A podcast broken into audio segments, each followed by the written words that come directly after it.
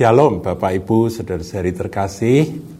Dalam suara gembala kali ini kita akan merenungkan satu perikop dari pengajaran Tuhan Yesus Yang tertulis di dalam Matius 21 ayat 28 sampai 32 Nah saudara ini adalah uh, sebuah ilustrasi yang Tuhan sampaikan Tentang siapakah orang yang disebut melakukan kehendak Bapa. Ayat 28 saya bacakan. Tetapi apakah pendapatmu tentang ini? Seorang mempunyai dua anak laki-laki, jadi ada dua anak laki-laki. Ia pergi kepada anak yang sulung dan berkata, "Anakku, pergilah dan bekerjalah hari ini dalam kebun anggur." Jawab anak itu, baik Bapak, tetapi ia tidak pergi. Lalu orang itu pergi kepada anak yang kedua dan berkata demikian juga. Dan anak itu menjawab, aku tidak mau. Tetapi kemudian ia menyesal lalu pergi juga. Ayat 31, siapakah di antara kedua orang itu yang melakukan kehendak ayahnya? Jawab mereka yang terakhir. Kata Yesus kepada mereka, Aku berkata kepadamu, sesungguhnya pemungut-pemungut cukai dan perempuan-perempuan sundal akan mendahului kamu masuk dalam kerajaan Allah. Kita berhenti sampai di sini dulu, saudaraku ya. Ini sebuah ilustrasi yang sangat menohok, yang tajam sekali.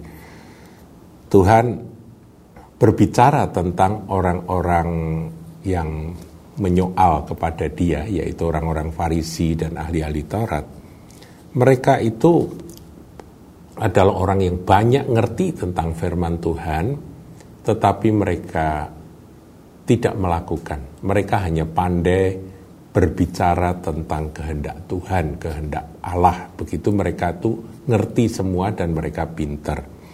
Dan Tuhan menggunakan akan ilustrasi ada dua orang anak di mana ayahnya berkata pada yang satu, "Anakku, pergilah dan e, bekerjalah di kebun anggur hari ini." Yang satu berkata baik, mulutnya ngomong baik Bapak, tapi dia tidak pergi. Dia mengerjakan yang lain atau dia e, main-main atau dia ya intinya dia tidak melakukan apa yang diperintahkan oleh bapaknya. Sementara yang kedua, dikatakan dia berkata, aku tidak mau pergi. Yang kedua, ia berkata, aku tidak mau. Tetapi kemudian dia menyesal dan kemudian dia pergi dan melakukan. Nah, dari uh, ilustrasi tersebut Tuhan Yesus uh, bertanya kepada orang-orang yang yang sedang bersoal jawab dengan dia. Siapakah di antara kedua orang itu yang melakukan kehendak ayahnya?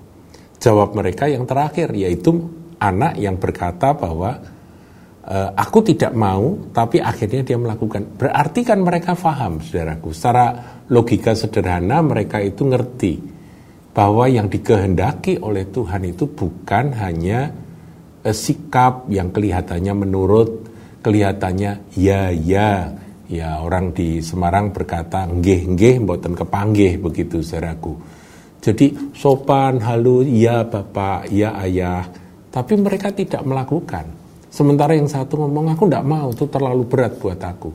Tapi setelah dia merenung, dia menyesal, dan dia akhirnya berangkat dan dia mengerjakan.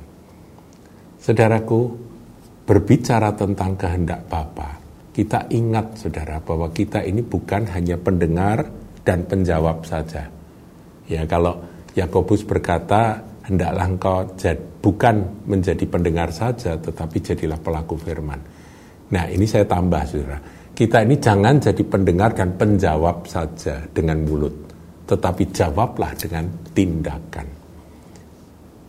Jadi dengan demikian, saya berharap saudara eh, hari ini kita berdoa, Tuhan tolong aku, supaya aku bukan hanya menjadi orang yang hanya tahu akan kehendak Tuhan, mendengar kehendak Tuhan, dan bahkan berkata, "Aku mau, aku mau," tapi tidak melaksanakannya. Sesederhana itu Tuhan kasih ilustrasi yang tajam menusuk. Dan saya harap kita bertobat, saudaraku. Tuhan Yesus memberkati.